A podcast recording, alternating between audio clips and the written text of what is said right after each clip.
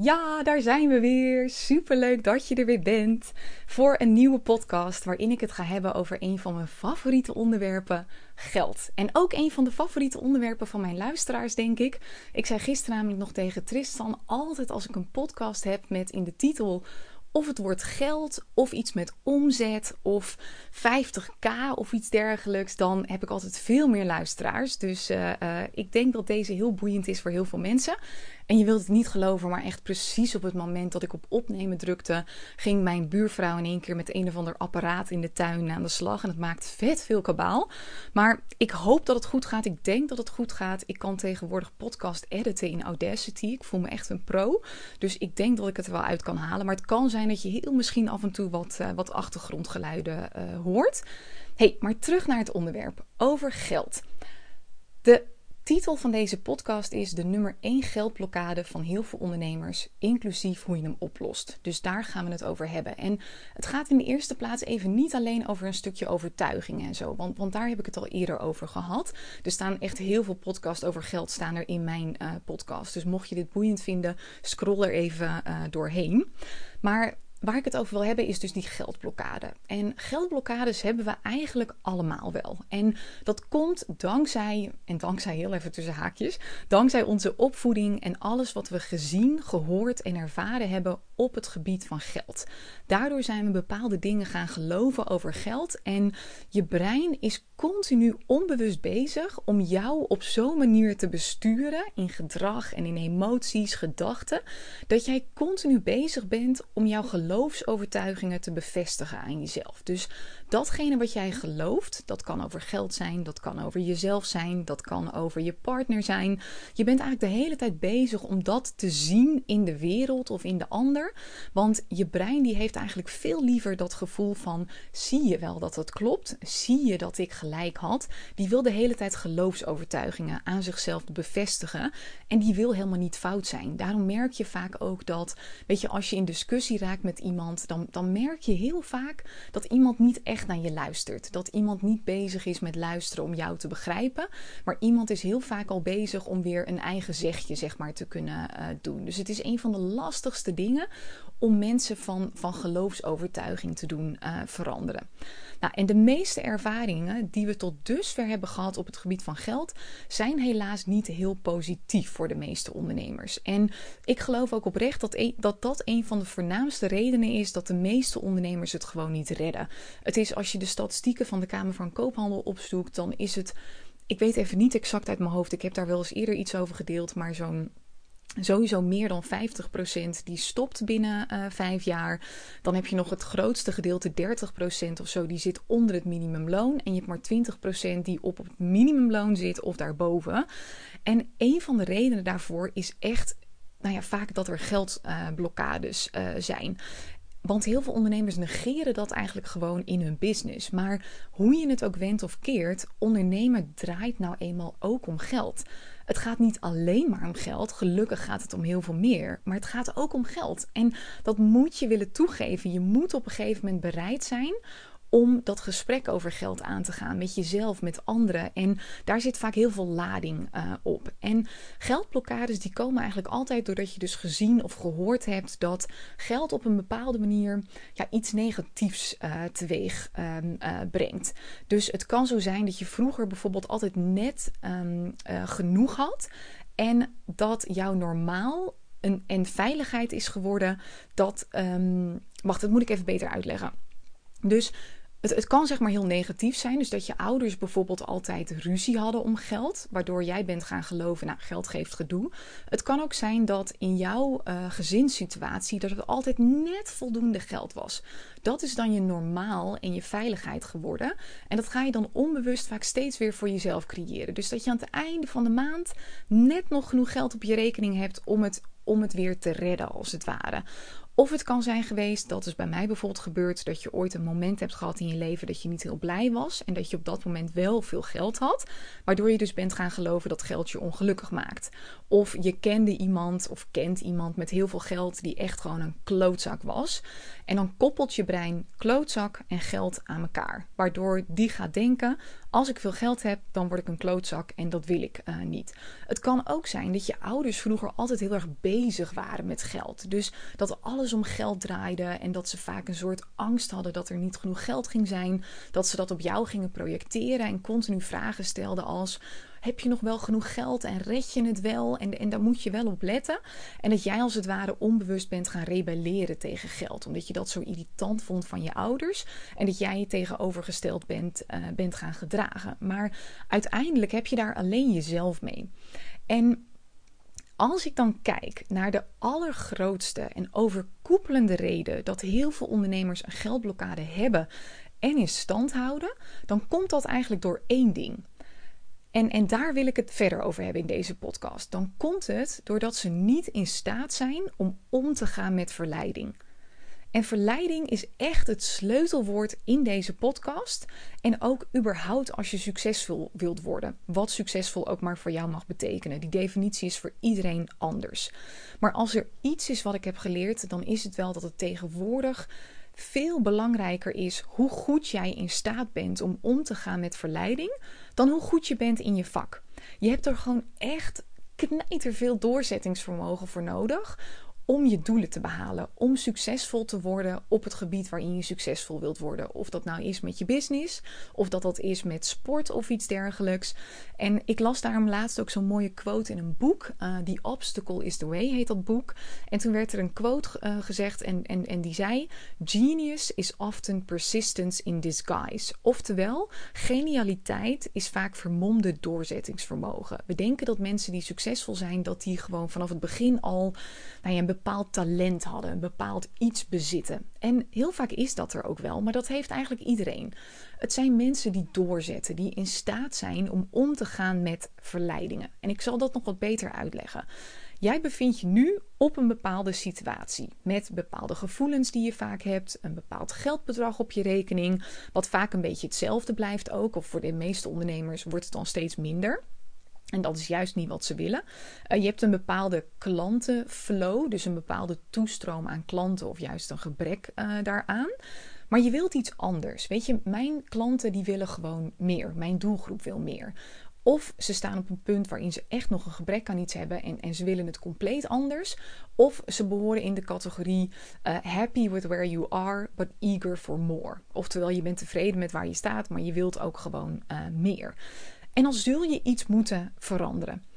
En je wilt meer, nou ja, je hoeft niet altijd meer te willen trouwens. Het kan ook minder zijn. Dus vaak willen we dan wel meer geld of meer klanten.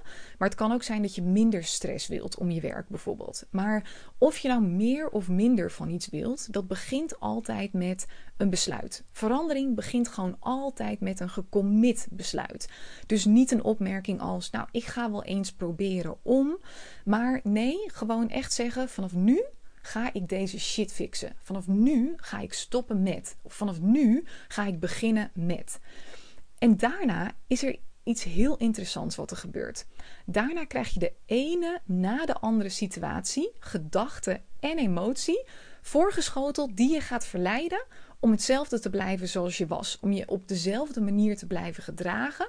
Je op dezelfde manier te blijven voelen en te denken zoals je was. Dus die die situaties die gaan je continu verleiden om zeg maar in je oude ik te blijven hangen. Maar wat je echt mag beseffen is dat met je oude ik heb jij je huidige realiteit gemanifesteerd.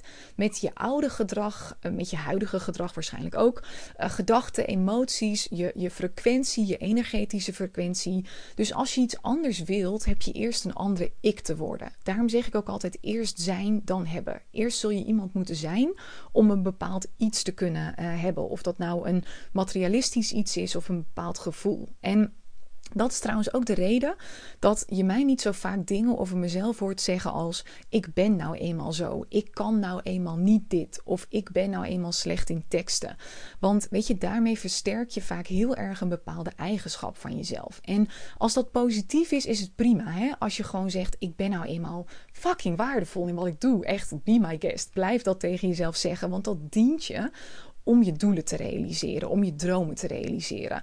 Maar ik zeg eigenlijk nooit: ik kan dit nou eenmaal niet, ik vind dit moeilijk, want daarmee versterk ik bepaalde een soort van gevoelens en eigenschappen in mezelf die ik, die ik helemaal niet kan gebruiken in mijn reis naar mijn dromen. Dus ik probeer altijd een beetje vloeibaar te blijven, als het ware, in mijn eigenschappen, zodat ik niet te veel hecht aan bepaalde dingen die ik wel of niet kan, zodat het makkelijker is om bepaalde dingen ook weer los te laten als ik erachter kom van hé, hey, dit dient mij niet in wat ik wil bereiken. Want what got you here won't get you there. Dat hoor je me ook vaak uh, zeggen. En dat betekent niet dat je ook in, in de kern helemaal moet veranderen. Hè? Dus wat ik eigenlijk altijd doe, is dat mijn, mijn kernwaarden blijven hetzelfde. Dus ik geloof in bepaalde dingen. Ik geloof in overdeliveren. Ik geloof in transparantie. Ik geloof in kwetsbaarheid. Maar daaromheen mogen mijn eigenschappen steeds veranderen. Dat is wat ik uh, bedoel.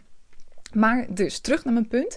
Zodra je kiest voor verandering, komt er verleiding. En Tibor zegt het altijd wel mooi, Tibor Olgers, de natuur test je. Of je kunt ook zeggen het universum test je.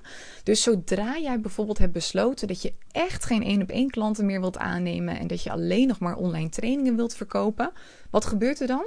Opeens komen die potentiële één op één klanten vanuit alle hoeken en gaten. Dus eerst stroomde het misschien niet zo en ineens staan er vijf uh, in de rij voor je. Of je besluit bijvoorbeeld dat je geen operationeel werk meer wilt doen. Je wilt echt alleen nog maar strategisch bijvoorbeeld meedenken met anderen. En opeens vraagt dan de vader van je beste vriendin bijvoorbeeld of je hem toch nog niet heel even kunt helpen met een bepaald operationele taak. Super moeilijk om dan nee te zeggen. Maar ook praktisch. Dus zodra jij besluit, ik ga vandaag gefocust werken, komt er opeens een heel nieuw seizoen met 28 afleveringen van je nieuwe serie uit. Dat je denkt: Oh, ik wil zo graag kijken. Of je telefoon lijkt gewoon wel tegen je te schreeuwen: van check mij, je hebt allemaal berichtjes, kom hier. En dan heb je ook nog oud gedrag, wat je brein in stand probeert te houden, maar wat je los mag laten. Dus stel dat jij besluit dat je echt in je next level wilt stappen. Dus je wilt het bijvoorbeeld allemaal wat professioneler aanpakken dan krijg je eerst al de verleiding van de oude methode met gedachten als ja, dat was toch echt een stuk simpeler. Dus ik heb laatst bijvoorbeeld een podcast opgenomen in. Uh, ik merk dat mijn stem helemaal een beetje. Een beetje hapert. Nou, volgens mij ben ik gewoon nog uh, te verstaan. Maar wat ik bijvoorbeeld laatst had, is ik wilde even wat nou ja, op een professionele manier een podcast opnemen. Ik heb altijd gewoon mijn telefoon en een heel klein microfoontje. Maar Tristan heeft een hele studio en ik dacht, laat ik het daarin doen. Nou, en ik vond dat allemaal maar complex en weet ik het wat. En het, het voelde heel anders met zo'n grote microfoon in mijn gezicht. En weet je, ik werd continu verleid om terug te gaan naar het, het oude. Dus aan de ene kant word je dan al verleid door de oude methode, omdat die bijvoorbeeld simpeler uh, was.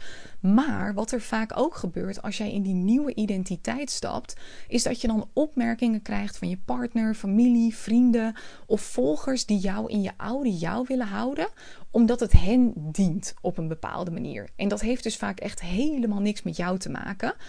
Maar wat gebeurt er dan? De meeste ondernemers krijgen dan een soort knauw en die kruipen in hun schuld. Ze kunnen dan de verleiding niet weerstaan om toch in die oude ik te blijven hangen. En dan maakt het niet uit dat ze 83 complimenten hebben gekregen over hun nieuwe gedrag of uiterlijk of wat dan ook. Als er één negatieve opmerking is, dan, dan kruipen ze vaak alweer in hun schulp. Ik had het bijvoorbeeld vorige week, was, was wel een interessant verhaal.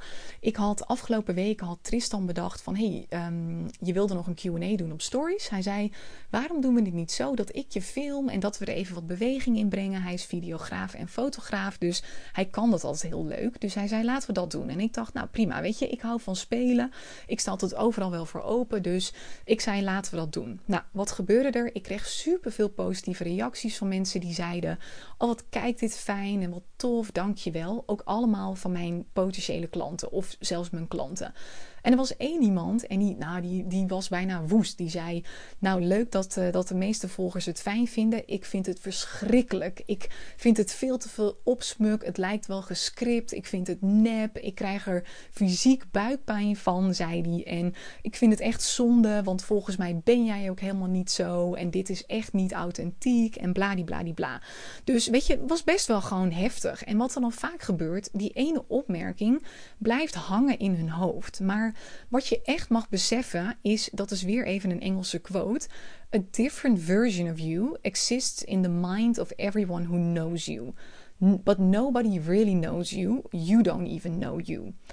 Dit is super interessant. Mensen denken altijd dat ze jou kennen. Maar de jou die iedereen kent, is gewoon anders op verschillende plekken. En die mag ook anders zijn in verschillende periodes. Weet je, je bent het niemand verplicht om altijd maar dezelfde persoon te blijven. Zeker niet als dat je niet dient. Als die persoon je tot dusver vooral ongelukkig heeft gemaakt. Of gewoon geldproblemen heeft opgeleverd of iets dergelijks. En, maar, maar je bent vaak dus anders. Kijk, ik ben ook als Tineke, uh, de dochter van mijn ouders, ben ik anders als Tineke de ondernemer. Ben ik anders dan Tineke de vriendin. Tineke de, de partner van, van Tristan. En dat is echt oké. En zelfs daarin mag ik op een gegeven moment weer uh, veranderen. En Waarom zei die, die persoon van die quote nou, you don't even know you? Dat komt omdat ons zelfbeeld vaak ook totaal niet kloppend is met wat de meeste andere mensen van ons vinden. Dus we zijn vaak zo negatief over onszelf. En dat is zonde. En laat je dus echt niet in hokjes stoppen door andere mensen. Zeker niet um, uh, mensen die niet tot je doelgroep ook behoren als het gaat om business-technische dingen. Deze man die dit tegen mij zei, dat is verder trouwens een hele aardige vent. Ik, ik ken hem ook wel redelijk goed. Maar, maar hij behoort ook niet tot mijn doelgroep. En het, het grappige is dat wat hij deed, hij denkt mij te kennen en hij stopt mij in het hokje van Tineke gebruikt niet te veel opsmuk. De, de authentieke Tineke is iemand die het lekker simpel houdt, die het niet te moeilijk doet.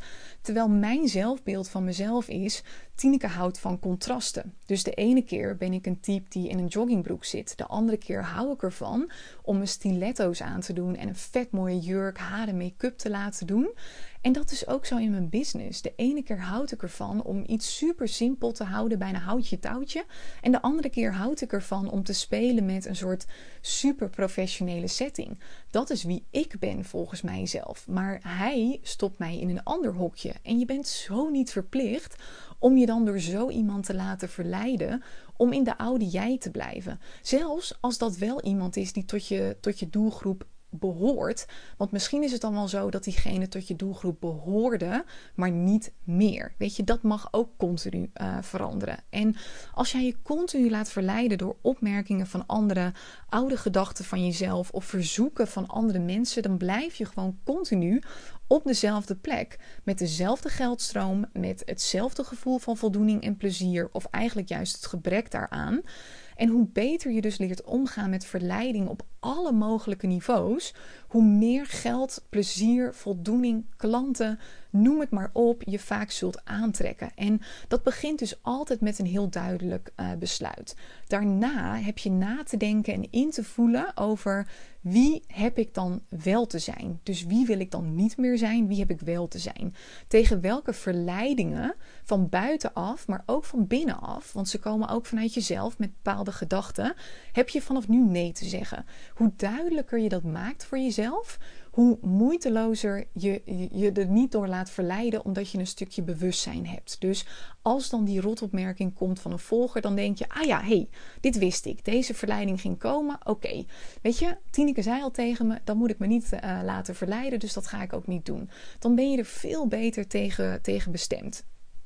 Nou ja, wie of wat heb je nodig vervolgens om datgene ook daadwerkelijk te doen. Om die verleidingen te weerstaan. Want weten en doen zijn compleet verschillende dingen.